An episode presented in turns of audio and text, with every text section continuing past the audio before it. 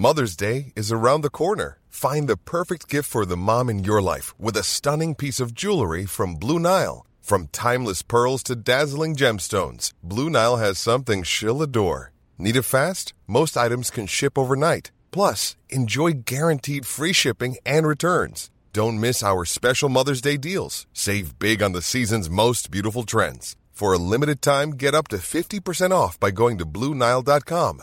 That's Bluenile.com.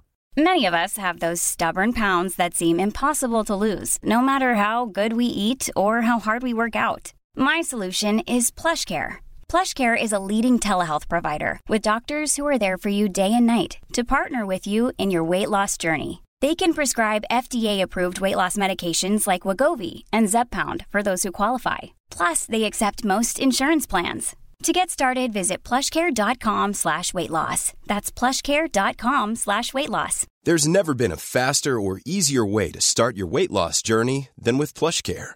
PlushCare accepts most insurance plans and gives you online access to board-certified physicians who can prescribe FDA-approved weight loss medications like Wigovi and Zepbound for those who qualify.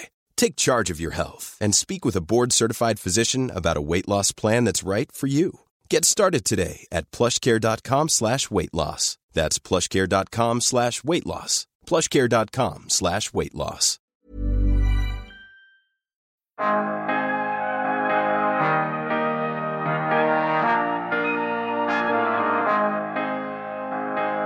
Hej och välkommen till podden Allt du behöver veta om ny teknik. Jag heter Per Danielsson. Förra veckan så pratade vi ju poddar och teknikutveckling med Johan Billgren som är medgrundare och CTO på poddplattformen Acast. Den här veckan så breddar vi samtalet om den pågående ljudboomen. Ljudets digitala framtid är ju en mix av samtal, interaktivitet, snuttar och superproduktioner. Vi har bjudit in fem personer som ska ge sitt perspektiv på utvecklingen av olika typer av sociala ljudmedier och ljudproduktioner. Dagens huvudgäst är Johan Seidefors som idag är nordisk innehållschef på Spotify. Vi diskuterar det ökade intresset för ljud och varför Spotify satsar så mycket på högkvalitativa poddproduktioner just nu. Ny Tekniks expert Peter Ortsjö förklarar sedan allt du behöver veta om Clubhouse, vår tids heta linje eller talande LinkedIn som tjänsten även kallas. Och bakom mäktiga Spotify, som ju köpt upp teknik och produktionsbolag för miljardbelopp de senaste åren, finns flera mindre entreprenörer som satsar tid och pengar på att bygga upp helt annan, andra typer av sociala ljudappar. Ljudappar där korta ljudklipp och närheten till kreatörer och profiler har en central roll. Bland dessa entreprenörer finns Jessica Mansorati och Johanna Hoff. Jessica Mansorati, som grundat Nibbel, är en app som hon beskriver som om TikTok eller Clubhouse hade fått en bebis. Johanna Hoff är precis hemkommen från en PR-resa i Spanien där hon marknadsfört sin app Logcast. En app som erbjuder kreatörer en plattform för att snabbt skapa och lägga upp ljudklipp till sina fans och följare. Men vi startar med ett samtal med professor Peter Gärdenfors vid Lunds universitet om hur lyssningen på röster av olika typer av medier påverkar vårt medvetande och vårt ordförråd, men även också vår inlärningskapacitet.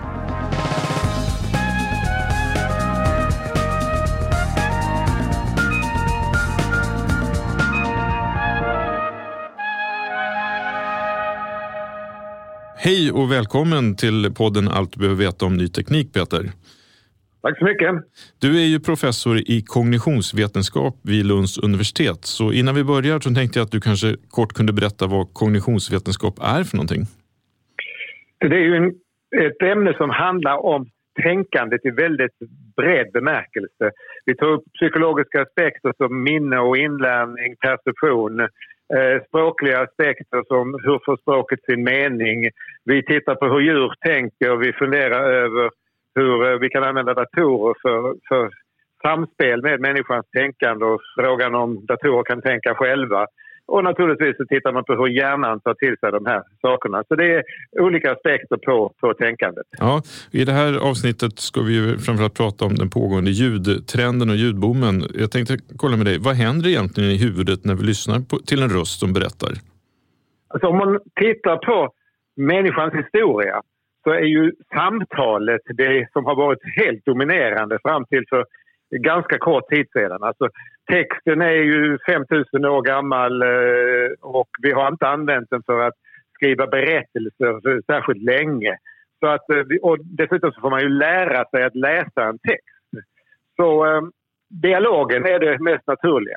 Och den stora skillnaden mellan, mellan en ljudbok och en eh, textbok är ju att eh, i ljudbok så hör man en röst. Och rösten kan, kan eh, uttrycka känslor. När du läser en text så måste du själv liksom skapa dig en föreställning om hur, hur någonting eh, sägs. Och ehm, eh, en röst kan låta arg. Har du en bra skådespelare som läser en ljudbok så, så hör man känslorna. I en text får man rätt ofta fylla i att sa hon argt eller eh, sa han glatt? Alltså man får skriva ut vilka känslouttryck som finns där.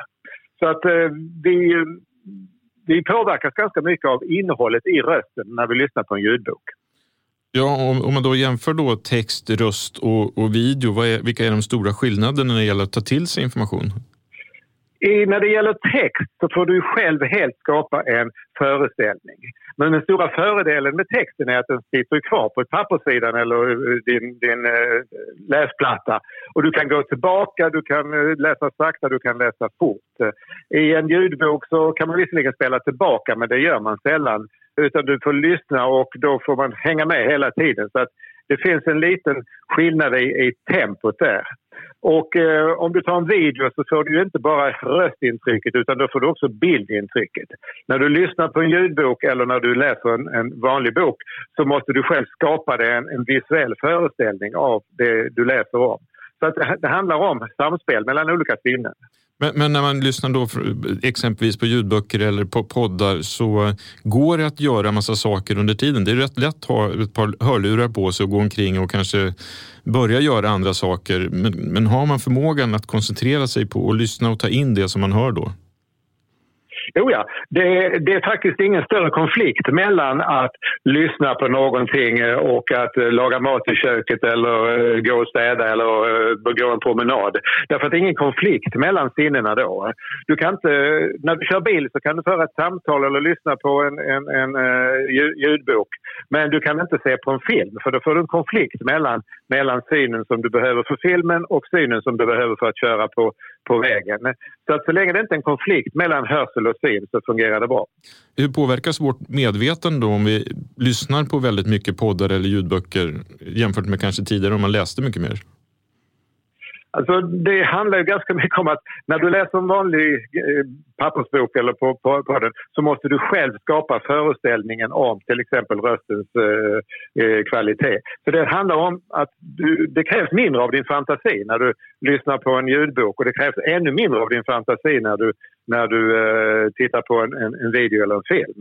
Mm. Eh, och det, det, det är nackdelar med detta därför att det är egentligen väldigt bra att träna upp sin fantasi, sin föreställningsförmåga. Så att böckerna har en fördel i att de tränar upp din föreställningsförmåga.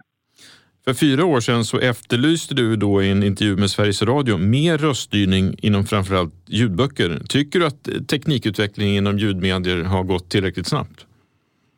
Nej, det har inte hänt jättemycket. Jag vet att Storytel håller på med lite olika försök här. Naturligtvis kan man ju ändra hastigheten på hur en bok, eh, ljudbok läses upp men det är inte, det är inte särskilt mycket interaktion där. Vad jag efterlyste var mer att man kunde, skulle kunna stoppa boken, eh, ställa en fråga till Siri eller Alexa och, och, om någon historisk händelse eller något faktum som dyker upp i boken som man är intresserad av. Så att man kunde få eh, komplettera sin läsning med, med um, annan fakta.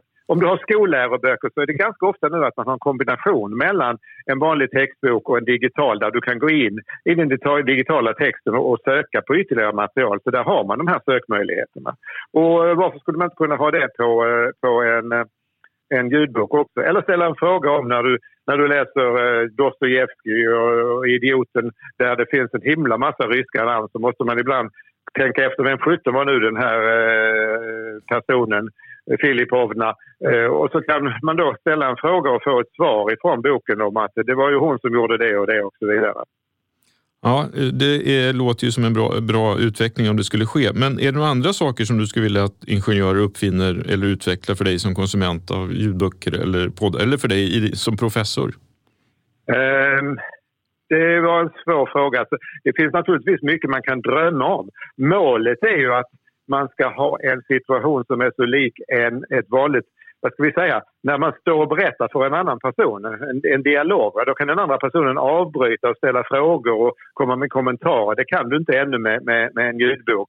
Men det är tekniskt sett är det här jättesvårt att, att uh, ha, ha en, en, eh, en, en berättelse som fungerar som en, en, en, en dialog.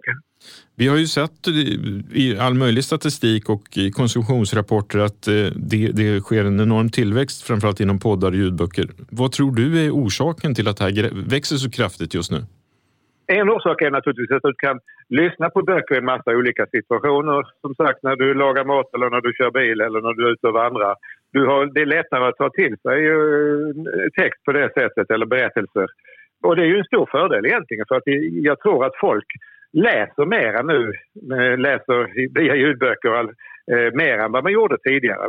Det blir större konsumtion på det sättet. En nackdel är nog att vi inte tränar vår läsförmåga på samma sätt som vi gjort innan. Alltså man vet ju att ungdomars läsförmåga har gått ner lite grann och jag tror att det här är en konsekvens av att ljudböcker och poddar har, har eh, blivit eh, så pass vanliga som de har. Ja, och vi ser ju också att eh, den smarta mobilen har ju liksom, det är nästan varenda svensk som har en smart mobil idag, ung som gammal. Och mediekonsumtionen ökar ju totalt via mobiler. Vad, vad innebär det här för förmågan att ta in, lära och ta in saker via exempelvis text, ljud och video eh, framåt, tror du? Om du tar en vanlig eh, podd så är ordförrådet i vanligt samtal inte särskilt eh, högt. Ordförrådet i skrivna böcker är, är, mycket mer omfattande. Lyssnar du till en ljudbok så, så dyker de här orden upp. Men du kanske inte har en chans att gå tillbaka och ta reda på vad det här ordet betyder. Om du nu är en, eh, en ung person som vill förstå vad du, vad du lyssnar på. I en, I en, bok så kan man ju stanna och slå upp ordet i, en, i ett lexikon eller i din, i din smartphone naturligtvis.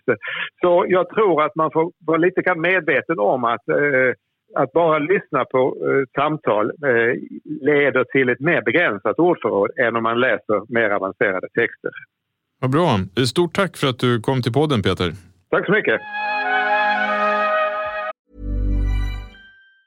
When you're ready to pop the question, the last thing you want to do is second guess the ring. At BlueNile.com you can design a one-of-a-kind ring with the ease and convenience of shopping online. Choose your diamond and setting. When you find the one, you'll get it delivered right to your door. Go to Bluenile.com and use promo code LISTEN to get $50 off your purchase of $500 or more. That's code LISTEN at Bluenile.com for $50 off your purchase.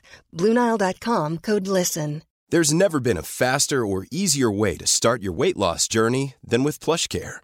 PlushCare accepts most insurance plans and gives you online access to board-certified physicians who can prescribe FDA-approved weight loss medications like Wigovi and Zepbound for those who qualify. Take charge of your health and speak with a board-certified physician about a weight loss plan that's right for you. Get started today at plushcare.com slash weight loss. That's plushcare.com slash weight loss. plushcare.com slash weight loss. As humans, we're naturally driven by the search for better. But when it comes to hiring, the best way to search for a candidate isn't to search at all. Don't search, match with Indeed. When I was looking to hire someone, it was so slow and overwhelming. I wish I had used Indeed. If you need to hire, you need Indeed. Indeed is your matching and hiring platform with over 350 million global monthly visitors, according to Indeed data, and a matching engine that helps you find quality candidates fast. Ditch the busy work. Use Indeed for scheduling, screening, and messaging so you can connect with candidates faster. And Indeed doesn't just help you hire faster. 93% of employers agree Indeed delivers the highest quality matches compared to other job sites, according to a recent Indeed survey. And listeners of this show will get a $75 sponsored job credit to get your jobs more visibility at Indeed.com slash podcast. That's Indeed.com slash podcast. Terms and conditions apply. Ett bolag som verkligen investerar i att få oss att tillbringa ännu mer tid med våra hörlurar och lyssna på ännu mer poddar och röstproduktion är ju Spotify. Nu ska vi höra varför de investerar hårt i förflyttningen från att vara en musiktjänst till att bli en bred ljudtjänst. Hej Johan Seidefors, nordisk innehållschef på Spotify. Välkommen till podden Allt du behöver veta om ny teknik. Tack så mycket. Idag så finns ju Spotify i 187 länder. Musikkatalogen omfattar cirka 70 miljoner låtar och 2,2 miljoner poddar. Och nu är ni mitt inne i en omställning från att vara då en musiktjänst till att bli mer en ljudtjänst. Vad innebär egentligen det här skiftet för både för oss som kanske använder Spotify men även för er internt på Spotify? Eh, oj, ja det är, det är en eh, rimlig och stor och bra fråga. Eh, man kan väl säga Själva, själva steget i sig är ju inte så överraskande eller kontroversiellt. Eller jag tror inte att det är det för någon egentligen. Man, man tänker på Spotify såklart under en dryg tioårsperiod som, som den ledande musikdistributionsplattformen eh, med allt vad det innebär. Eh, där det såklart har skett en, en otrolig utveckling över tid. Men där vi också hela tiden, i alla fall nu på senare tid, har sett att, att ljud generellt har, har ökat i betydelse för väldigt många människor. Eh, och det är ju Alltså den, den grundinsikten att ljud förmodligen då, eller som vi uppfattar det i alla fall, är, är undervärderat sett till framförallt video. Och sett till att video redan nu är relativt mättat. Det finns inte så jättemånga minuter kvar att, att titta på rörlig bild på på ett dygn. Man kan hoppa mellan olika typer av tjänster och olika typer av video men mängden tid man kan lägga ner är för väldigt många i alla fall väldigt eh, nästan nådd. Medan ljud har vi upptäckt finns det, finns det en väldigt, väldigt massa tillfällen under dagen och dygnet där man kan eh, tillgodose sig ljud på olika sätt. Så att gå från att vara en musikdistributionsplattform till att bli ett audio network som vi kallar det för är i alla fall för oss på Spotify och som det verkar även för användaren ett ganska naturligt steg att bredda, bredda erbjudandet. Ja, nu tänkte jag läsa upp ett, ett gäng företagsnamn här och det är mm. Turnigo, Speed Scientific, Chord Project, Soundwave, Preact, Sonalytic, Mighty TV, Media Chain, Nyland, Soundtrap, Louder, Gimlet Media, Anchor, Parcast, Soundbetter, The Ringer och senast nu Megaphone. Det här är ju företag inom tech och poddproduktion som ni har förvärvat. Men vad har egentligen de här förvärven inneburit för er plattform när vi är här idag? Jag tror att man ska se de förvärven eh, på lite olika sätt. Dels tror jag att man ska se dem som mycket mer långsiktiga än enskilda förvärv liksom, som ska göra stor skillnad här och nu. Vissa gör det såklart, vissa har, har eh, direkt bäring på, på vårt erbjudande. Framförallt om man tar innehållsbolagen då, som Gimlet och, och The Ringer till exempel och Parcast, samma sak, så är det såklart företag som kommer med en innehållskatalog som är väldigt attraktiv. Men det är också bolag som är väldigt bra på att, på att eh, vara snabbfotade och utvecklas. Så att, eh, både liksom på innehållssidan så ser vi en breddning och en möjlighet att ta snabbare steg framåt än att, att inte göra de eh, förvärven så att säga. Och sen på de techbolagen och den, den sidan av det, där tror jag att man ska se på det mycket mer långsiktigt. Och för att vara så transparent för min roll i Norden och när vi jobbar med, med erbjudandet här så har det relativt liten påverkan i, i, idag. Så att säga. Väldigt mycket av det här sker i utvecklingsprojekt. En del sker specifikt i USA hittills, annat lite mer globalt. Men eh, mitt generella svar blir att man ska se det mer långsiktigt. Ja, Bra. Vi ska prata lite mer om den nordiska marknaden, men kan inte du, kan inte du börja med att berätta då, vad är de stora beteendetrenderna hos de nordiska lyssnarna eller eh, användarna? Den stora trenden är ju ljud i sig, det vill säga att, att fler och fler människor lyssnar mer och mer på olika typer av ljud, både musik och talat innehåll. Även, även musikstreaming ökar ju fortfarande år för år. Där, där når vi redan väldigt många. Men sen så tror jag också att det är jätteviktigt att komma ihåg att när vi pratar om podcast och så här, talat innehåll vi ser det väldigt mycket som att vi är en startpunkt. Man kan ju liksom hävda att podcast har funnits länge och att det är ganska etablerat och att det borde vara moget och till viss mån mättat vid det här laget. Men det är inte alls så vi ser det och det är inte så användarna heller visar oss att, att de upplever det. Utan Eh, när man som användare tidigare har sagt att skälet att jag inte lyssnar på en podcast idag är för att både att, liksom att det, det, finns för mycket och det finns ingenting för mig så tror jag att båda de svaren är på sätt och vis sanna. Att vårt jobb när vi nu går in i, i en ny fas av podcastanvändande handlar väldigt mycket om att vi är, som plattform ska vara duktiga på att rekommendera och inspirera till lyssning. Det vill säga att vi ska göra det lätt för den här liksom, nya och till viss mån då senare vågen, den breda vågen av nya användare som kommer in att sätta igång med, med den här typen av lyssnande. Mm. Och det tror jag är svårare när man inte har plattformsstorleken. Så det, det, är väldigt mycket av det vi gör i att, att presentera innehållet på Spotify för, för en målgrupp som visar att de är nyfikna. Ni har ju verkligen trappat upp tempot då i, i poddproduktion, framförallt er egen poddproduktion även i Norden. Kan du berätta vilken typ av poddar ni själva gör och varför ni har valt ut de här? Ja, jag kan berätta varför vi gör eh, skapar eget podcastinnehåll överhuvudtaget i för att vi tror att det är viktigt att på podcastsidan differentiera sig mot andra plattformar. Det är ju ganska nära eh, tv-streamingvärlden på det sättet att vi tror att fler användare kommer välja Spotify som plattform om vi har ett mer differentierat och unikt Eh, podcast, en podcastkatalog helt enkelt. Och det är med den ansatsen som vi har, har tagit, tagit oss an det uppdraget. Så att sen, nu har jag lite svårt med tidsuppfattningen här i, i coronatider, men säg att det är två år, de sista två åren så har vi producerat, två och ett halvt åren, ett eh, relativt stort antal egna titlar. Lite för att börja testa oss fram lite grann men också för att vi har haft eh, en, en eh, väldigt god idé om vad vi vill försöka uppnå. Vilket ju skiljer sig, tror jag, väldigt mycket för till exempel hur radio har jobbat eller hur tv har jobbat i och med att vi lever i en värld där vi måste vinna den här publiken varje dag. Det finns ju, som du började med att säga, sånt otroligt stort utbud av saker att lyssna på, inte bara på Spotify utan även på massa andra appar. Så att det innehållet vi jobbar med måste ha en naturlig dragningskraft. Det måste, vara, det måste ge någonting tillbaka till lyssnarna som gör att de väljer innehållet varje gång, varje vecka eller hur ofta man nu kommer ut.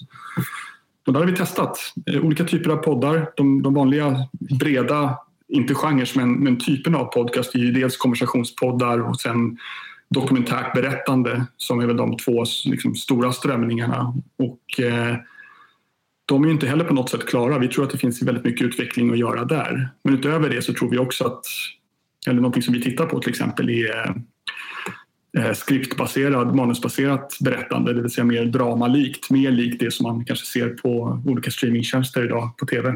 Men är då sådana plattformar som eh, HBO och Netflix, är de någon form av förebild eller sneglar ni på hur de har producerat fast för film? Så kan ni producera samma typer av dokumentärer och drama fast i poddformat då? Ja, egentligen tycker jag att man kan se det på det sättet. Eh, det finns, eh, det finns jättetydliga likheter men man ska också komma ihåg att de tjänsterna har ju också utvecklats väldigt mycket. Liksom det de är idag är inte vad de var igår utan vilken typ av innehåll som produceras för vilken typ av målgrupp och, och av lite olika syften. Det tror jag är... Jag tror vi kommer se en fortsatt utveckling där hos oss kommer vi definitivt se det. Men, men, kan man också se en trend då att när ni gör mer avancerade och dyra poddproduktioner att det också speglar av sig i lyssnarintresset? Ja, fast jag ser det också som mer långsiktigt. Jag tror att så här, om, man, om man tittar på, på breddpubliken så att säga så är det väldigt sällan någon uttrycker att man törstar efter liksom, att testa nya saker. Det är väldigt mycket av det här. Mycket av poddlyssnandet och mycket av tv-tittandet också handlar om sällskap och om engagemang och igenkänning och, och, man bygger en relation med den personen man lyssnar på över tid. Så att när vi testar nya format och när vi testar nya, nya genrer på det här sättet då är det för att vi tror att det över tid kommer vara framgångsrikt. Vi har, eller jag har ju lyxen i mitt jobb att inte behöva tänka speciellt kortsiktigt på det här utan att kunna tänka lite längre och kunna planera lite längre och eh, ja, ge oss själva tid och eh, råd och chansa lite grann. Men hur ser din eh, framtidsplan ut då? Om du kan berätta lite om den.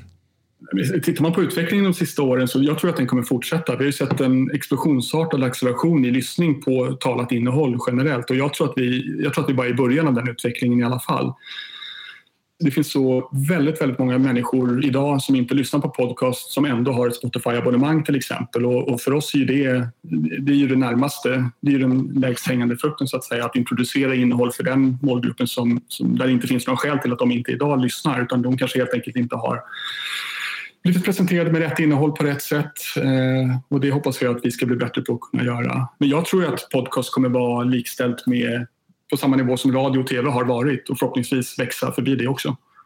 Ja, en, en, sak som många siffror visar ju är att eh, podd, poddlyssnaren är faktiskt eh, kanske ännu mer engagerad och mer tillåtande till reklam i, i just poddar jämfört med i andra medier. Vad, vad beror det här på tror du? Det är en jätteintressant fråga tycker jag. Vi, vi ser ju det också väldigt tydligt. Ja, det, det, är, det är verkligen både och. Dels så ser vi att det finns en större acceptans för reklam i poddar generellt, vilket är intressant eh, om man tittar på till användarupplevelsen och, och tittarupplevelsen då på tv. Att, att ett break är ju alltid ett, ett avbrott i det innehållet man är där för. Men jag tror att jätte, en jättefördel för podcast var ju att det kommersiella byggdes ju in i innehållet väldigt mycket. Det här med att den som har podcasten läser upp det kommersiella budskapet har ju hjälpt till att så att säga, normalisera det på något sätt eh, för lyssnaren. Och man ska ju verkligen komma ihåg att det här sker ju på lyssnarens villkor. Om man inte vill lyssna så kommer man inte göra det. Om man uppfattar att reklamen stör eller att det blir för mycket eller att det tar över för upp från upplevelsen, då kommer man välja någonting annat. Så att Ja, det, det, kommersiella i poddar är nog här för att stanna men jag tycker man ska ha en väldig respekt för att det finns många poddskapare där ute som inte i första hand gör det här för att tjäna pengar på reklam utan att det är för att det är en, liksom ett briljant sätt att kunna berätta en historia på eller liksom, eh, kommentera samhället eller på, på, bara som ett uttrycksforum helt enkelt. Ja, vi pratar ju mycket om vad ni gör då i era egna produktioner men då kommer vi också säga vad gör ni för att underlätta för fristående poddskapare då att bli framgångsrika på er plattform också? Det är något som vi har eh, väldigt högt upp på, på agendan, framförallt liksom nu 2021 men även framåt, att, att vara en, en så bra partner som möjligt till alla som levererar in poddar till plattformen. Och för att vara helt krass, för mig som, i, i, min roll så är det egentligen inte, det viktigaste är inte att så stor del av lyssningen som möjligt sker specifikt på de poddar som vi producerar. Utan jag vill ju att de ska fungera mer som fyrar liksom som, som signalerar att här finns det innehåll för er. Men, men jag vill lika gärna och ibland ännu hellre att våra partners ska lyckas på Spotify också. Och en, en del av det är ju såklart att, att kunna erbjuda kommersiella framgångar också, det förstår jag också. Så att jag tror att det, där kommer vi se en stor utveckling under kommande tid. Men hur ser du på konkurrensen då från eh, andra aktörer? Det finns många, mycket som tyder på att Spotify kommer bli, ja det går bra för er just nu inom eh, både musik och poddar och ni kanske blir den aktör som man vill peta ner från tronen, ta över från. Ja, ja så är det såklart och det, jag tror att här, det måste vi vara helt bekväma med. Jag, jag har jobbat på en hel del företag, medieföretag innan där där en väldigt stor del av tiden går åt till att liksom försvara någonting eller eh, så bevaka sina intressen. Och Spotify funkar inte riktigt på det sättet. Det är ju en, en, en ständig utveckling. Så att jag tror att så länge vi fortsätter att bygga produkten för användarna och göra, göra den så, så bra och enkel som möjligt för de flesta att, att använda för både musik och talat innehåll så tror jag att vi kommer ha en, en jättefördel. Men det är klart att det kommer komma ny konkurrens. Det, är, det vore ju väldigt konstigt annars. Och den kommer ju från alla håll och kanter. Det är inte bara andra ljudplattformar. Det, ju, det, ju, det finns ju all möjlig typ av konkurrens där. Ja, vad, vad, säger du om eh, de här... Nu senast är det ju framförallt Clubhouse som har fått ett väldigt stort eh, medieutrymme. Det är ju en annan typ av ljudtjänst egentligen. Vad säger du om den utvecklingen? Superintressant. Jag tycker att det är så himla häftigt när det kommer Eh, liksom ett, eh, någonting som känns på förhand som det borde ha funnits i 20 år. Det är, så här, ja, men det är klart att man behöver en plats där man, kan, där man kan prata i realtid om saker som är aktuella nu. Jag ser inte det som ett hot mot, eh, mot podcast. Det är ofta så det målas upp. Är det här liksom så här podcastdödare? Men jag tror, att det är för, jag tror inte man ska tänka på det sättet med, med ny teknik generellt. Jag tror man ska se det mycket mer som att, eller vi vet ju redan nu att olika sociala nätverk till exempel kommer erbjuda liknande möjligheter att kunna prata i realtid om sånt man ändå skriver till varandra om så att säga. Eh, men, men tror du att vi går mot en utveckling där hörluren blir viktigare än skärmen? Ja, kanske inte viktigare, men jag tror definitivt att den kommer vara väldigt mycket mer värd än vad den är idag. Jag tror att här, hela ljudområdet är underskattat och undervärderat. Det går snabbt framåt ska sägas, men jag tycker framför allt att man om man ska prata om, om branschen eller liksom, kanske framförallt liksom branschen utanför, de som jobbar med ljud idag, tycker jag att det finns en, en, en underskattning i hur starkt bandet är mellan den som pratar och den som lyssnar. I, som, där podd tillför någonting som inte har funnits tidigare. Mm. Och den, liksom, när, man har, när man har fått byggt det bandet mellan den som lyssnar och den som pratar, då är det då tenderar folk att stanna kvar. Lojaliteten är väldigt stor där. En, en, en sidotrend som vi ser framförallt i USA det är ju det här med videopoddar. Det vill säga att man även kan ta del av en videoinspelning av intervjun eller samtalet som eh, produceras egentligen till podden. Då. Är, ja. är, är det här liksom en, ska vi betrakta det här som en sidogrej eller kommer det här också växa? Vi har exempelvis er, er, er podd Obama Bruce Springsteen som är, man både kan ta del av som video och som ljud. Ja, ja men, eh, eh, precis. Och, video och podd har ju gått lite grann hand i hand under, under åren. Det, har funnits, det var inte så många år sedan som det var ganska vanligt att man hade en kamera i studion och sen även sände ut det och liksom hade det som någon typ av visuell eh, version av podden. Jag tror att vi kommer se det mycket mer. Jag tror att överhuvudtaget, det sker ju även på musiksidan på Spotify, det vill säga ge kreatörer fler möjligheter att uttrycka sig låten och musiken är ett men det finns även kanske ett visuellt lager som man kan lägga på det som vi kallar för canvas som visas upp medans en användare så att säga, tittar på skärmen när man lyssnar. All typ av dokumentärt berättande. Jag tror att det vi har i åtanke nu det är nog video som ett slags visuellt lager till podden. Alltså det talade ordet är fortfarande det primära, ljudet är det primära och så kommer det vara för oss. Men det är klart att vi kommer att addera möjligheter för kreatörer att kunna uttrycka sig på som är, går bortom det det är idag. Mm. Eh, vad, vad, tror du om trenden för eh, livepoddar och poddrivna event eh, framåt då? Alltså vi var, eh, pandemin kom ju precis när det skulle sticka iväg. Det är min uppfattning. Mm. Jag tror att det är det har definitivt framtiden för sig. Och det säger någonting också. Jag tycker att det är så här igen att man måste förstå att jag tror att publiken som går och tittar på poddevent gör inte det i första hand för att de är så himla nyfikna på att se en ny kändis eller höra en, liksom en ny historia utan det är för att de känner tillhörighet. Om man går och tittar på till exempel när, när Daniel Breitholtz och hans eh, gäng i kompaniet kör, kör livepoddar till exempel, då är det ju så här, publiken känner ju dem. De har ju, en, de har ju en mångårig relation redan så det blir en så otroligt varm och härlig stämning. Jag tror att, jag tror att livepoddar kommer bli kan bli hur stort som helst. Det finns liksom inget skäl till att inte det skulle kunna bli fungerar på samma sätt som, som musikkonserter. Nej. Vi pratade om då att ljudet blir bara viktigare och viktigare och man har ju faktiskt par hörlurar med sig egentligen var man än går nu för tiden. Och ni lanserade nyligen, eller berättade nyligen om Spotify HiFi. Mm. Vad är det egentligen? Vad innebär det för mig som användare? Ja, det kommer ju under året har vi sagt ett erbjudande om en, en bättre ljudkvalitet och jag har egentligen inte så mycket mer sagt. Vi pratade ju om det i Spotify Stream On och det var ju där liksom, eh, den digitala presentationen som vi gjorde för någon vecka sedan, två veckor sedan. Eh, och utöver det som sades där finns det egentligen inte så mycket mer att tillägga. Det kommer, eh, jag tycker att det är spännande. Det finns en grupp, en grupp lyssnare som, som bryr sig väldigt mycket om ljudkvalitet och det här kommer att vara ett erbjudande till dem.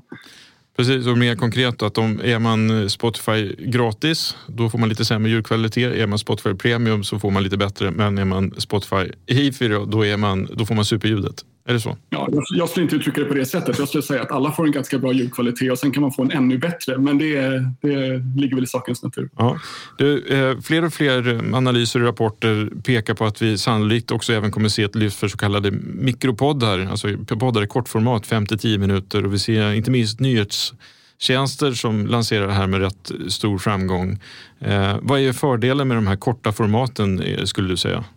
Fördelen med all formatutveckling handlar om att förstå användaren. Det är liksom, allting beror på användaren och situationen. Jag tror att när man gör kortare format så gör man det för att man vet att användaren har en lucka i sin dag där man kan tillgodogöra sig det här innehållet. Vi experimenterar ganska mycket med det som vi kallar för mixed media playlist där man ska kunna programmera innehåll utifrån vilken typ av användare, liksom en personaliserad en mer personaliserad tjänst och där fungerar den typen av innehåll väldigt bra där man kan eh, eh, så att säga programmera olika typer av innehåll beroende på vem du är som lyssnar. Det kan ju vara alltifrån att man får ett personaliserat liksom, musikerbjudande i en, en morgonshowmiljö till att man till att man får eh, olika typer av nyheter eller underhållning eller vädertjänster eller liknande. Jag tror att det där är samma sak som med allting annat. Jag tror bara att jag början på det. Det är samma sak med liksom, utgivningsfrekvens. Det finns inget skäl till att ett program måste komma ut en gång i veckan på samma tid. Man gör det lätt för användaren om det är en viss typ av innehåll men vi, vi har egentligen inte börjat experimentera med det än tillräckligt mycket utan det måste, där måste alla känna att det finns en otrolig möjlighet att, att bryta mönstren Mm. Du, som nordisk innehållschef då, så antar jag att du, om man tittar i ditt eh, ark med planerade produktioner, att det står massa roliga saker där. Jag tänkte, kan du berätta om någonting som står på de här planerade produktionerna framåt? Ja, alltså som jag sa, vi har ju lanserat ett, ett eget format som heter Spotify Doc som är vårt dokumentära berättande och det kommer vi jobba vidare med på lång sikt. Vi tror att det finns en, en jättepublik för den typen av eh, dokumentärer och där är ju liksom den givna konkurrenten om man säger, är ju, de enda som har gjort det seriöst tidigare är ju P3 Dokumentär. Och där, den, där finns det ju en enorm publik så att säga, som är nyfikna på den här typen av berättelser. Och Spotify Doc, där tycker jag att vi gör ett, ett väldigt, väldigt bra arbete med att presentera den typen av stories på ett, på ett lite nytt sätt och på ett lite annat sätt än, än vad kanske eh, andra aktörer har gjort tidigare. Men är det ändå inte så att typ Sveriges Radio borde ju vara, de borde ju vara poddmästarna egentligen. De är ju det, de ligger ju topp på många listor. Men även i framåt så är de ju extremt duktiga på att göra sådana här produktioner. Nej, men det, det är de verkligen och, och jag, jag, tycker att alla ska ha all respekt för Sveriges Radio och, och deras liksom, publicistiska utbud och de fortsätter att producera fantastiska saker. Men det är kul tycker jag att se att det kommer så många nya små aktörer som, som eh, testar sig fram. Liksom. Och, och, som jag sa, man får ofta höra att så här, men, det finns redan så många poddar där det sitter två personer och pratar. Så här, ja, det gör det. Men det finns också bevisligen, om man bara tittar på lyssningen, ett, ett, en jättetörst efter den typen av format där personer som jag bryr mig om sitter och pratar om saker som jag bryr mig om. Att det är nog inte själva volymen som är ett problem utan snarare att man vill ha saker som är så, ligger så nära mig som person med personer som pratar som förstår mig. Men alltså vi, vi, vi, eh, det låter ju tråkigt men jag tror att så här, eh, det är klart att vi ibland tittar på specifika ämnen och, och bygger poddinnehåll utifrån det men, men, eh, men ännu oftare handlar det om att hitta liksom, rätt person som vill berätta liksom, sin historia, hur, i vilken form det än sker. Det är, alltså, det, är, det är så otroligt mycket som hänger på att man har en, en, en host för en podd som är liksom passionerad och engagerad och har det här som sin viktigaste sak. Eh, liksom det som de bryr sig om mest. För det är, jag tycker att så här, ljud är på sätt och vis det ärligaste mediet. Man hör direkt om den som pratar är besjälad av ämnet eller inte. Det är därför det är väldigt svårt att titta på det som radio och tv och bara sätta någon framför en mick och säga läs det här. För det blir, det blir aldrig bra podd av det. Nej. Vi börjar närma oss slutet på här, den här intervjun och jag tänkte bara kolla med dig. Eh, om, vi, om vi gör den här intervjun om ett år, mm. vad har hänt då in, hos Spotify? Jag tror framförallt att podcast är väldigt mycket större på Spotify än vad det är idag om det fortsätter att växa i den takt det har hittills. Eh, vi kommer att ha lanserat eh, både eh, dramaformat, det vill säga manusbaserat berättande i, i liksom dialogform som, som vi inte har gjort tidigare. Vi kommer att ha satsat vidare på att försöka sudda ut gränserna mellan podcast och ljudbok i en form av dramatiserad litteratur i podcastform som vi tycker är väldigt spännande. Och jag tror att vi kommer se en breddning i publiken både uppåt och neråt i åldrarna eh, beroende på att vi är duktigare på att hitta rätt personer för, för de målgrupperna. När du säger neråt i åldrarna, vilken ålder pratar vi då? 15 år, 12 år, 10 år? 18? Nej, men säg 15, 18, 20 där någonstans. Liksom det, är, eh, det är de, den gruppen idag som, har, som spenderar mest tid såklart med, i olika typer av appar och, och framför skärmar på olika sätt. Så det är också en tuff grupp att stjäla minuter av så att säga, eller det är därför erbjudandet här blir så viktigt. Men ja, verkligen. Ja, sista frågan då. Eller, jag skulle vilja att du ger oss dina tre poddtips till lyssnarna. Den hade jag gärna fått tänka lite grann på innan just den frågan. Eller jag borde vara van, jag får ju den ganska ofta. Jag, jag lyssnar själv på den som jag, eller två poddar inom Ringer-nätverket som jag tycker väldigt mycket om. Som är Bill Simmons podcast och en podd om tv-filmvärlden som heter The Watch. Det är de två som jag lyssnar mest på, förutom Spotify Doc som jag också tycker är en, en återkommande favorit. Det är ju tre tips då, med andra ord. Ja. Stort tack Johan för att du ställde upp och var med i podden Allt du behöver veta om ny teknik. Tack så mycket. Innan vi går vidare och pratar med ljudentreprenörerna Jessica Mansorati och Johanna Hoff så ska vi då ta reda på vad Clubhouse är för någonting. Och det är ny tekniks expert Peter Ottsjö som ska förklara. Hej Peter! Hej! Välkommen till podden. Tack så mycket. Du, det pratas ju väldigt mycket om Clubhouse. Vi tänkte att du som ny tekniks expert ska berätta vad Clubhouse egentligen är för någonting. Så den första frågan blir väl egentligen, vad är Clubhouse? Clubhouse är en app som du än så länge bara kan ladda ner till iOS, alltså Apples enheter, iPhone. När du väl har laddat ner appen så kan du inte börja använda den därför att du måste bli inbjuden. Vilket börjar bli lättare och lättare därför att fler och fler är med på Clubhouse. Om du väl blir inbjuden så kommer du till en eh, plattform, en sociala medieplattform kan man väl säga, men där skillnaden är att eh, det är fokuserat på ljud och röster och att vem som helst kan egentligen dra igång ett eh, seminarium skulle man väl kunna säga, eller en live-podcast.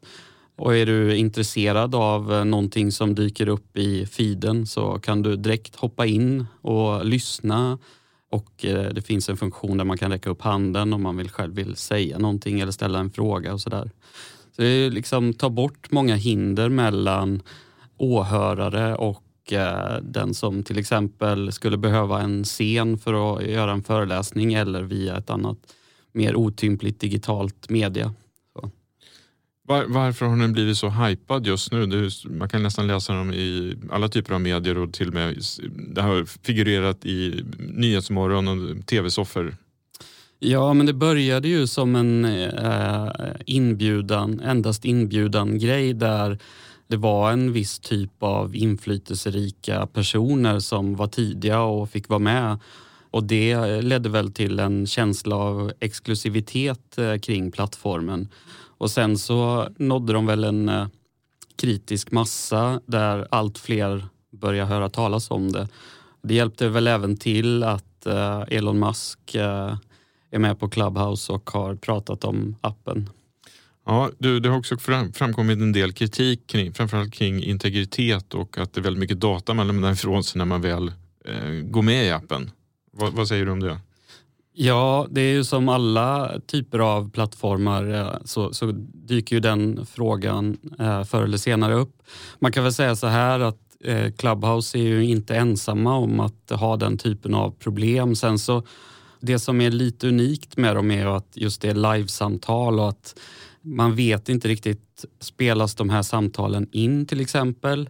Det ska de ju egentligen inte göra men det är inget som hindrar någon från att spela in dem och hur används de och sprids de? Och sen så har det väl också förekommit eh, liksom, frågor kring hur säker själva plattformen är från intrång och sådär. Men man kan väl säga att Facebook har ju fortfarande det problemet med integritet och säkerhet och det är givetvis en mycket större plattform men det är ju någonting som jag tror kommer med populariteten att den typen av frågor blir allt vanligare också. Mm. Clubhouse är ju startat av två Google-avhoppare, eller hur? Ja, precis. Och då är det inte lite lustigt då att den bara finns tillgänglig på iOS än så länge? Jo, eh, jag vet faktiskt inte riktigt varför den bara finns tillgänglig på iOS än så länge. Ett enkelt svar är väl att det var ett sätt för dem att, att, kontrollera utrullningen så att man startar på en plattform. Men varför de valde iOS framför, för, framför Android, det vet jag inte. Nej. Eh, vem tycker du ska använda Clubhouse då? Är man någon som vill få ut ett budskap till en eh, liten eller en stor krets så, så finns det ju absolut alla möjligheter att hämta appen, se till att få en inbjudan. Det brukar gå ganska snabbt nu. Och sen så är det i princip bara att, ja, det kallas eh, på Clubhouse-språk att starta ett rum. Och eh, basunera ut att eh, här finns jag, jag tänker prata om det här en stund. Eller om man är ett gäng och vill sitta och diskutera någonting. Sen så är det såklart så att på lyssnarsidan så kan man ju välja intressen och eh, eh det dyker upp som en lång lista med eh, samtal som pågår och även sådana samtal som är på gång. Och bara, man kan bara hoppa in och, och lyssna. Man kan se det som en chans att komma i kontakt med folk, att nätverka.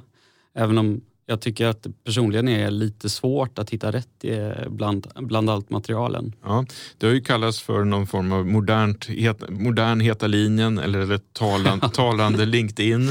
Eh, vad säger Modernt du, Heta linjen är roligt. Vad, vad, säger du om de här beskrivningarna, stämmer de? Um, ja, Heta linjen vet jag inte. Det, det är klart att uh, här är man ju inte så anonymiserad som man kanske var på Heta linjen. Jag vet inte om man ska förklara vad Heta linjen är eller vet alla vad, vad det är för någonting? Jag vet inte, men det var man kunde ringa in, ringa in ett nummer och så helt plötsligt var det en massa människor där. Eller så var man inte där, så var det tomt bara. Ja, precis. Och man hoppades att det skulle sägas något eh, lite förbjudet och sådär. Eh, ja. Nej men eh, ett LinkedIn som kan prata var det ju någon som sa. Det tycker jag är en ganska bra beskrivning. Därför att det har ju det börjar ju ändras nu då i och med att fler blir insläppta men från början var det ju ganska mycket Silicon Valley-typer och eh, entreprenörer och beslutsfattare. Så det blev ju lite av en elitklubb eh, så, som nätverkade och därav den beskrivningen mer ett talande LinkedIn än ett modernt Heta linjen. Ja. Är du förvånad att den här typen av plattform hypas nu 2021 och inte att det här kommit mycket, mycket tidigare med tanke på behovet av att kanske ha digitala konferenser och eh, digitala samtal. Det borde ha, den här plattformen borde kanske ha funnits för fem, sex år sedan redan, eller? Ja, det är ju en eh, typiskt en sån där eh, eh, plattform som dyker upp som från ingenstans och så i efterhand så, så ställer man sig just den frågan. Hur sjutton kunde det eh, inte ha funnits tidigare? Det finns ju, alltså det är ju ingen teknik som har gjort det möjligt utan du har ju kunnat göra det lika länge som du har kunnat köra Instagram och, och Youtube i princip. Alltså, sen smarttelefonen dök upp hade du potentiellt sett kunnat dra igång den här plattformen. Om jag inte missar något uppenbart nu. Men, så att det är lite konstigt, speciellt med tanke på att det var sånt prat om för några år sedan om att röst skulle bli liksom det nya sättet att interagera med digitala apparater och så. Och podcastexplosionen har ju varit eh, ja, den har ju bara fortsatt att bli större och större liksom, eh, under 10-15 år. Så, så att det, det är lite förvånande men där ser man det, det finns alltid spännande saker att, att utveckla och hitta på. Ja, och med, med, Clubhouse är det ju faktiskt extremt enkelt att dra igång en, en konferens som kanske varit mer problematisk och mer utmanande med, med de andra verktygen som har funnits, eller hur? Ja, ja men så är det ju. Det är otroligt smidigt. Eh, jag har faktiskt inte försökt att leda något samtal själv men som jag förstår det och som det ser ut i appen så verkar det bara vara att trycka på en knapp nästan och så är du igång och kan börja snacka med inbjudna och du kan välja om det ska vara ett stängt rum för bara de som du har bjudit in själv eller öppet för upp till 5000 personer. Ja, 5 000. Ja, och, och jag menar det är ju helt otroligt egentligen att du kan få ut ditt budskap eh, på, på det sättet så snabbt. Mm. Eh, vad tror du då? Kommer här, är det en hype som kommer försvinna eller kommer Clubhouse eh, fortsätta växa och få en betydande roll i vår, våra liv? Jag tror att plattformen som Clubhouse är just nu, den kommer definitivt att fortsätta. Jag tror inte nödvändigtvis att den heter Clubhouse eller att vi ens definierar det där som Clubhouse utan vi kommer nog kanske använda ett annat namn längre fram. Ehm, jag tror att de stora teknikjättarna givetvis eh, redan har börjat lite grann eller skissa på utmanare. Eller så, så köper de eh, Clubhouse eh, helt enkelt och införlivar det i sin egen plattform. Facebook är givetvis den uppenbara aktören här. Men att nyttan med det här sättet att, att uh, kommunicera uh, finns där, det, det, är helt uppenbart. Så, så det kommer att fortsätta. Det jag kan säga är att det är lite tveksamt än så länge kring exakt hur man borde designa en sån här uh, plattform därför att just nu så tycker jag att det är lite svårt att hitta det innehållet som jag mest är intresserad av. Mm. Tror du att, att Clubhouse blir ett verb framåt? Nej, jag tror inte det av, av de skälen jag nyss nämnde. att jag är inte så säker på att Clubhouse uh, är det vi förknippar den här plattformen med längre fram. Men å andra sidan, vi twittrar och Twitter har klarat sig trots uh, starka liksom, konkurrenter. Så att jag ska inte jag ska inte utesluta det heller. Nej.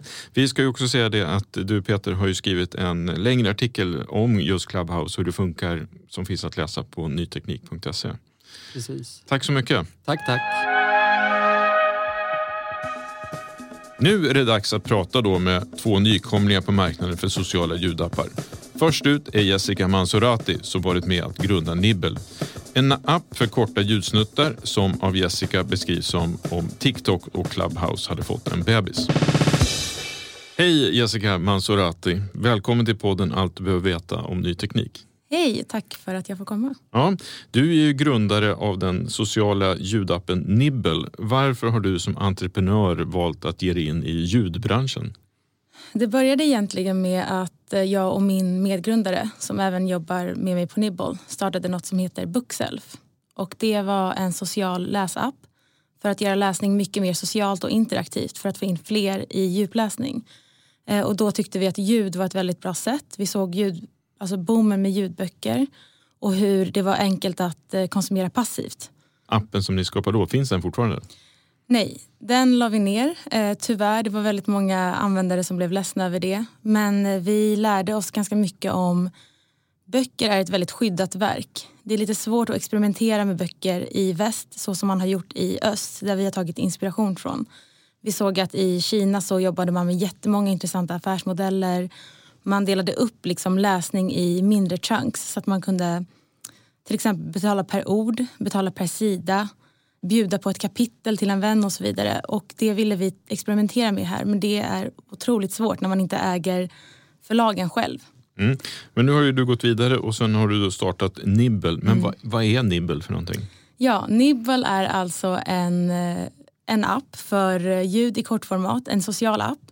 Och eh, Nibble, vi brukar beskriva det lite som TikTok för ljud. I och med att du, blir, du går direkt in, med ett klick så blir du serverad med det bästa innehållet för just dig i ljud. Och det är kortformat, så mellan 5 till 10 minuters klipp. Ja, och varför namnet Nibble? Eh, nibble betyder ju munsbit på engelska. Och det är tanken att man ska kunna ta en liten munsbit av det som händer, det som är aktuellt idag, det folk pratar om.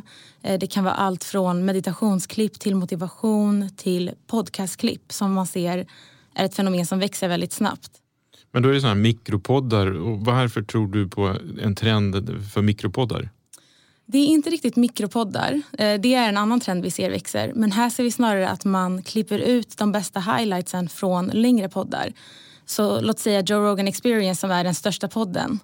Där ser man att hans klippkanal på Youtube, där folk har liksom delat upp klipp från vad han säger och de highlights, den växer snabbare än hans faktiska poddkanal på Youtube. Och det är för att man snabbt vill till, liksom, ehm, till kärnan av vad man pratar om. Ja, och den här Nibble då, vad, vad finns det någonstans nu? Kan man ladda hem det? Den går att ladda ner i App Store. Vi har tyvärr ingen Android-version än, men vi jobbar på det. När kommer den då? Det kan jag tyvärr inte svara på just nu. Nähä. Men beskriv då, eh, jag laddar hem appen Nibble. Mm. Vad händer då? Vad gör jag? Så du laddar ner den. Du väljer precis som på många andra sociala appar liksom dina intressen och vad du är intresserad av att lyssna på. Och sen blir du serverad med det bästa ljudet för dig. Eh, låt säga att det är nyhetsuppdateringar eller podcast highlights från dina favoritpoddar. Och vill du inte ha det vi serverar dig kan du självklart stänga ner det och liksom browsa själv och hitta allt möjligt ljudinnehåll. Men tänk på det som en, ett socialt nätverk fast för ljud.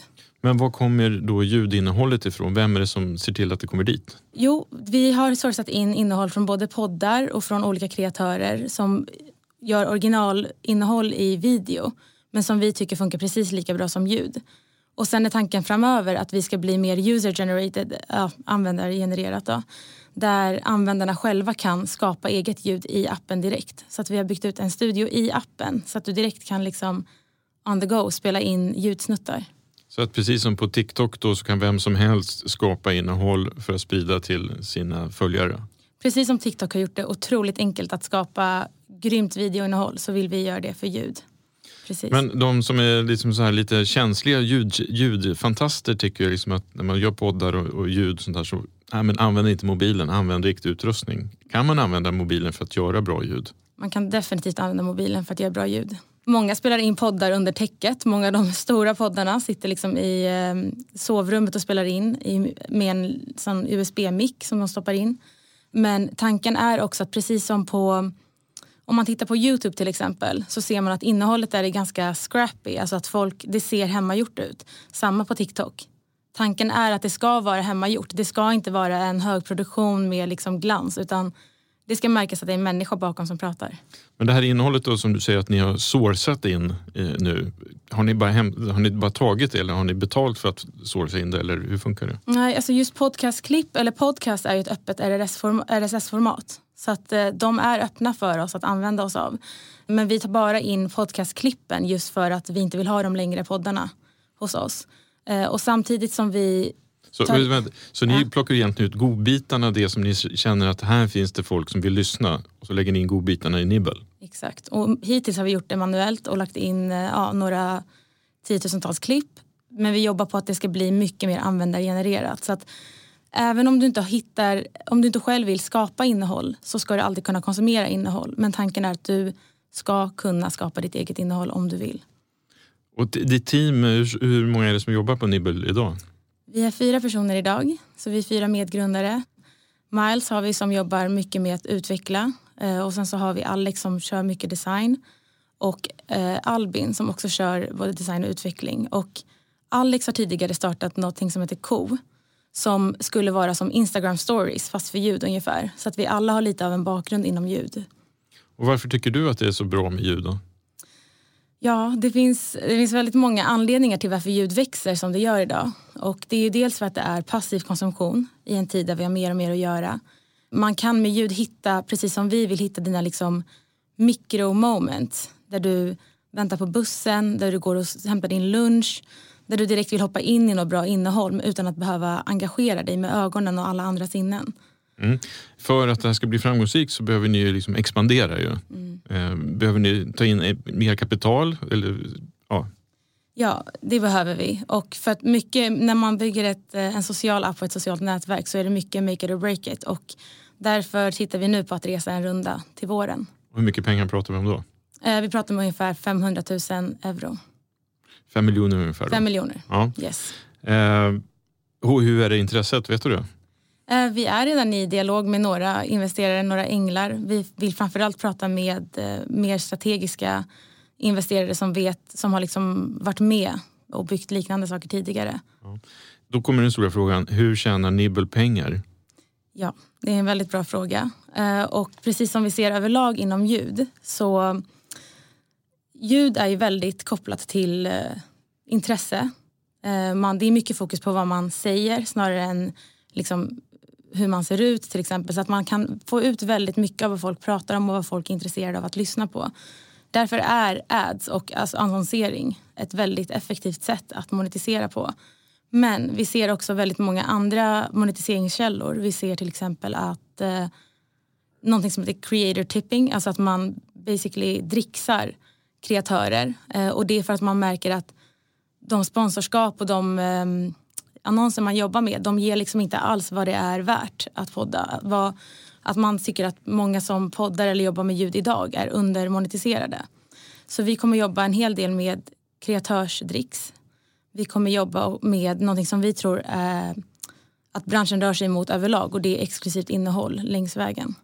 Okej, så knyta till er kreatörer som bara gör innehåll för, för nibbel då? Mm, eller visst innehåll som bara är till för eh, vissa exklusiva, liksom, de som vill gå premium. Och ve- vem är liksom typ målgruppen eller typ användaren av er tjänst? Vi pratar mycket om Gen Z som lite löst, man brukar prata om att de är födda liksom 95 och, och senare. Men eh, egentligen handlar det om alla som vill lyssna på bra, bli serverade med bra ljudinnehåll. Men som kanske vill varva långa poddar med kortare innehåll. Och vad skulle du då säga är era typkonkurrenter idag? Alltså, vi ser ju att många, vi ser det snarare som inspiration än konkurrenter skulle jag vilja säga. Vi ser ju till exempel Clubhouse och hela den boomen. Eh, för att de, fram till Clubhouse så har ljud varit ganska, det har varit ganska ensidigt. Det har varit någon som talar till en publik med poddar till exempel.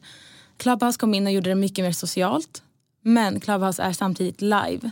Och det är, ofta, det är fortfarande ett längre format. Eh, och det gäller att man tajmar in när man ska in och liksom lyssna.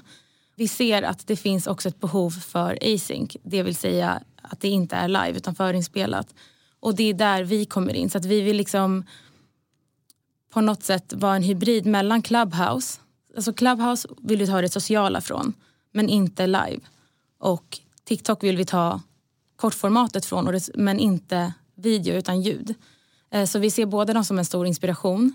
Eh, samtidigt så när man pratar konkurrens så pratar man mycket om att så här, hur vi delar på örat. Liksom hur stor share av örat får vi? Vi ser däremot inte poddar heller som en konkurrens. För det är helt andra ögonblick som man vill lyssna på poddar. Låt säga när du är på ett flyg, när du har längre sträckor och så vidare.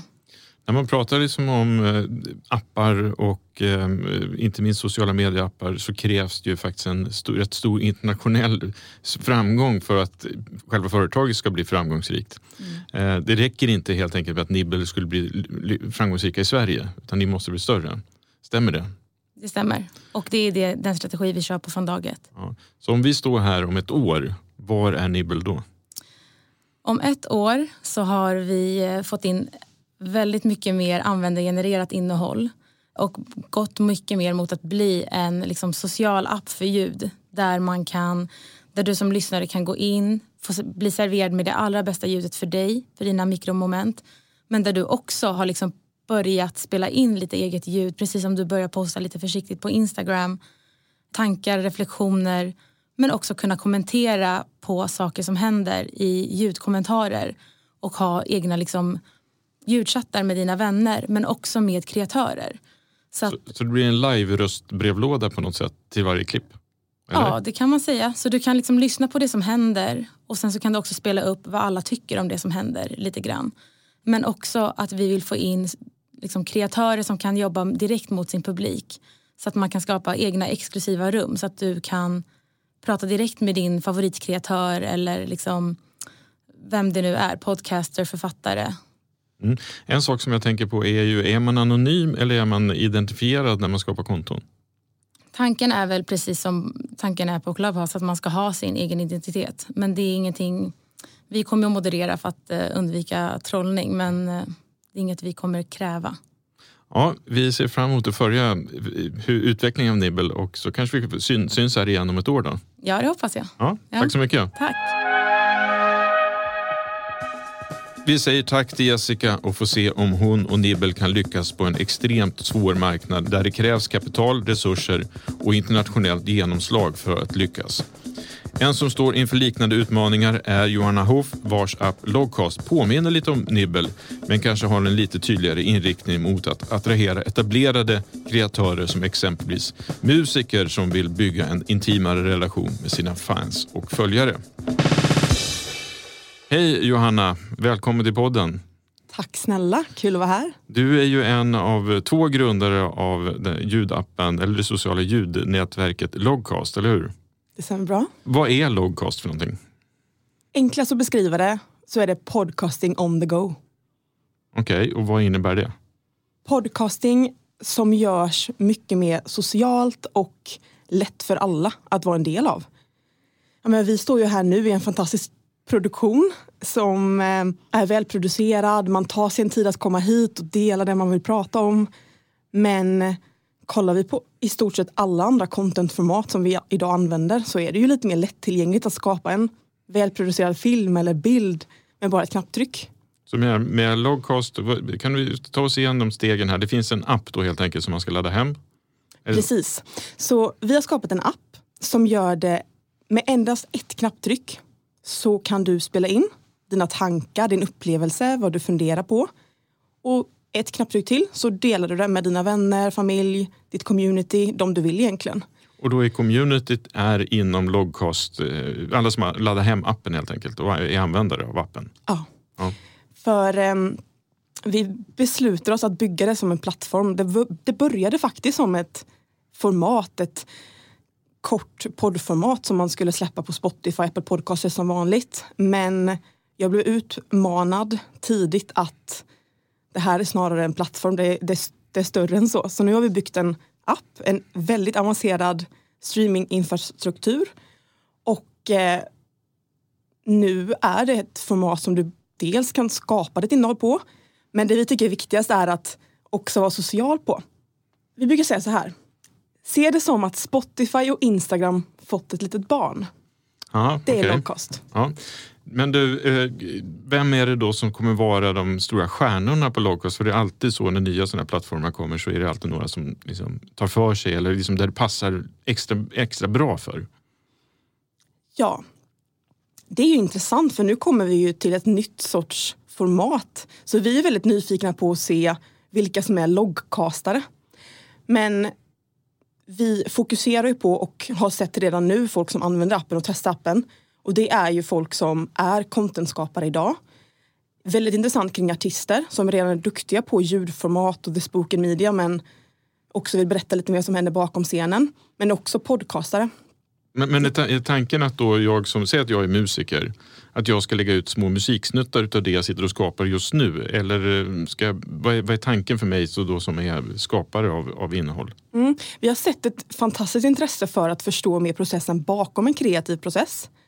Så tanken är fortfarande att man kan släppa sin musik på Spotify men det är sån process bakom det. Så tanken är att kunna släppa när du är på väg till din studio och får en melodi i huvudet, men spela in det. Eller du har ett samtal med din manager om hur ni ska släppa, spela in det. Så tanken är att man ska kunna, vi har en fantastisk kreatör på appen som heter Wilhelmina. Hon är en duktig artist som är bosatt i Norge, Oslo. Eh, hon delar mycket eh, reflektioner. Hon kan sitta uppe klockan fyra på natten och så delar hon en melodisnutt. Men sen inte hela låten då, men, men processen till det. Men det betyder ju också att appen, är den live nu så att vem som helst kan ladda hem den? Vi lanserar på App Store i slutet på mars. Väldigt spännande. Men vi har haft den öppen på testflight i över ett halvår nu. Och testflight är ju en testversion innan du kan lansera appen. Då. Och där har vi bjudit in hundra toppkreatörer i Skandinavien. Några runt om i världen också faktiskt, men framförallt här. Eh, som får testa appen och vi har faktiskt släppt funktioner varje vecka där de har fått med och testa och se vad de gillar och inte gillar. Så vi har ju redan byggt appen och låtit folk testa den. Men, men, man undrar ju som då, du som entreprenör, hur, hur, vågar du ge dig in i den här branschen? Den är ju rätt tuff. Det finns ju många stora aktörer där ute som eh, också håller på att utveckla nya format och nya trender helt enkelt. Det var faktiskt oundvikligt, måste jag säga. För ja, men, jag har ett podcastproduktionsbolag och satt och producerade poddar till duktiga artister, podcastare och det här formatet bara dök upp. Vi började märka att lyssnarna vill ha lite mer spontana loggningar från veckan, inte bara ett fint samtal en gång i veckan. Så vi började testa lägga in det här i, i avsnitten, vilket var fantastiskt positivt. Men det blev ju bara ännu mer jobb för de här kreatörerna. De skulle dels spela in välproducerat varje vecka men också ta med den här podden som är en ganska stor poddmick mitt upp i vardagen. Så um, vi började testa det här formatet och, och, och bara spela in med voice memo istället. Och eh, alltså röst, röstmemo på mobilen och började dela det och se om det är ett format som folk är intresserade av och dela på Instagram. Vilket vi såg var en fantastisk efterfrågan kring. Så det har inte varit att bara, nu testar vi det här, nu bygger vi två år och sen, åh nu släpper vi på App Store om en månad. Utan vi har ju byggt det här tillsammans med kreatörer i hur länge som helst och när de efterfrågat att de vill skapa ett community kring det här, men då har vi skapat en sån feature. Och så vill de kunna skicka det här direkt till sina vänner, då har vi skapat det. Så att det har bara utvecklats och nu har vi insett att det här är en fullskalig socialt media som vi kommer släppa och ge oss in i fighten med de här stora jättarna. Men, men gör ni det med ett gott själv, självförtroende nu, nu då? Absolut. Ja. Eh, du säger vi, vilka är vi? Jag och Eleni Andronikos är det som är ägare och grundare av eh, Logcast. Så vi är ett tight team. Hon är från Australien men har bott här nu i tre år och är superduktig på att lansera techbolag. Det har hon gjort länge. Sen har vi ett, eh, Fredrik Ek som är en eh, duktig utvecklare. Han är vår Head of Engineer och varit med oss sedan starten och byggt hela infrastrukturen. Sen har vi ett team, en produktutvecklare, vi har en community manager, vi har några som jobbar specifikt med iOS-appen. Sen måste jag också säga att vi har ju en fantastisk advisory omkring oss som är eh, personer som byggt och varit med i lansering av podd på Spotify som har eh, jobbat tätt med, med liksom uppkoppling på Ericsson. Så att de här pratar vi med varje vecka och hjälper oss med strategin. Så att, eh, jag är väldigt stolt över vårt team. Okej, så det är ett bra team, men då kommer man ju fram så här, ja, okej, jag som kreatör, kan jag tjäna pengar om jag använder low cost? Ja, då har vi de här fantastiskt duktiga kreatörerna som skapar innehåll varje dag och lägger supermycket tid på det. Men måste ändå engagera en tredje part för att tjäna pengar på det. Och vi kommer att skippa reklam helt och hållet och låta fans och ett community sponsra sina favoritkreatörer istället. Så det blir någon form av crowdfunding-verksamhet då, så att de som gillar mig får liksom chippa in lite pengar? Dels den, absolut, det kommer vi göra. Sen kommer det också vara att man har möjlighet att betala månadsvis för visst innehåll då. Så vi leker med tanken att du har skapat upp, eh, vi- ni vill släppa- en loggkost med den här podden. Ja. Som också ger lite mer korta inklipp i, om nyheter i vardagen. Då kan folk betala en viss summa varje månad för att få tillgång till det här lite mer exklusiva innehållet. Sen kommer det finnas, vi kommer ju promota och uppmuntra kreatörer att ha det mesta gratis. Men så kanske man vill släppa ett album om man är en artist om tre månader. Då kan man lägga viss, vissa delar, en teaser kring det bakom en betalvägg då. Som vi har sett att folk är villiga att betala för. För folk vill betala för intimitet och Och där kommer ni, det är där ni kan tjäna pengarna också, low cost. precis. Om man tittar då, för att lyckas så behöver ni inte bara en bra produkt och en hängiven startskala. Ni behöver ju också expandera det här. Ni måste liksom få en stor publik till slut, eller hur? Hur, hur ser expansionsplanerna ut? Vi börjar med Skandinavien, vilket är superintressant för vi har insett att det är nog den tuffaste marknaden att börja på när man ska gå in med en ljudapp på det här sättet. Men tanken är att börja med Skandinavien och verkligen tajta till produkten, göra den riktigt skalbar och härlig. Sen kommer vi gå in och göra en softlansering i Storbritannien och Spanien direkt efter sommaren. Vad, vad betyder en soft lansering? Det innebär att vi var till exempel i Spanien, i Barcelona nu förra veckan. För vi har fått eh, väldigt mycket intresse därifrån. Och i och med att vi har en mjukvaruprodukt, vi har en app. Eh, så det som behövs är ju folk som kommer använda den. Så um, vi identifierar founding creators kallar vi dem. Som är, ja men de älskar appen och kan se hur de kan växa sin karriär på appen. Och de blir våra founding members helt enkelt i landet. Och då testar vi bara att öppna upp den på App Store via dem och de får sprida den i sitt community. Det blir en softlansering. Sen gör vi en hard eh, launch på engelska där vi ja men, går in på riktigt. Vi bearbetar media, vi gör marknadsför, eh, marknadsföring och verkligen gör en mer consumer launch. Eh, men Men, men då i Spanien då blir det en engelsk eller sp- spanskspråkig app ni lanserar där då? Appen kommer vara i engelska nu när vi lanserar den i år, även där. Men vi kommer uppmuntra dem att de kan prata spanska.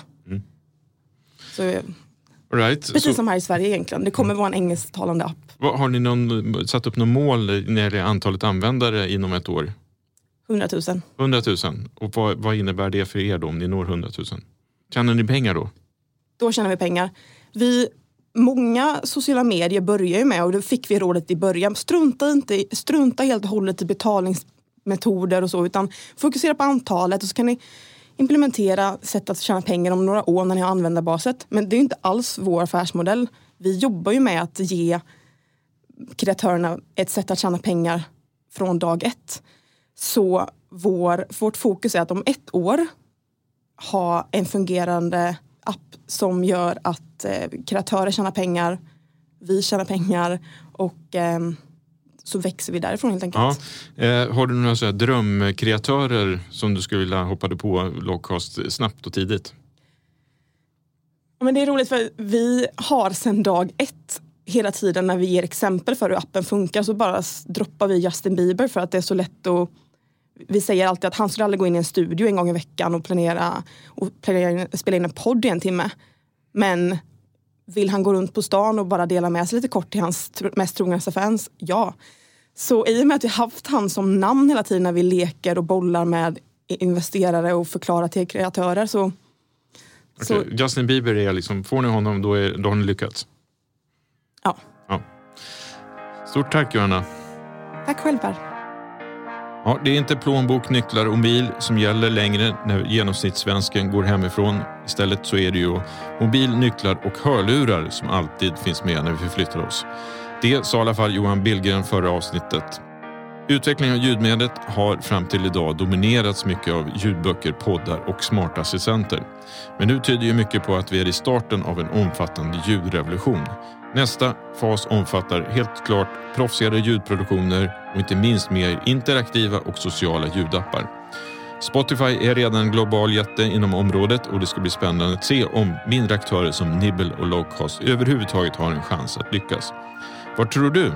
Diskutera gärna på nyteknik.se eller i våra sociala kanaler. Tack för att du har lyssnat. Vi hörs nästa vecka.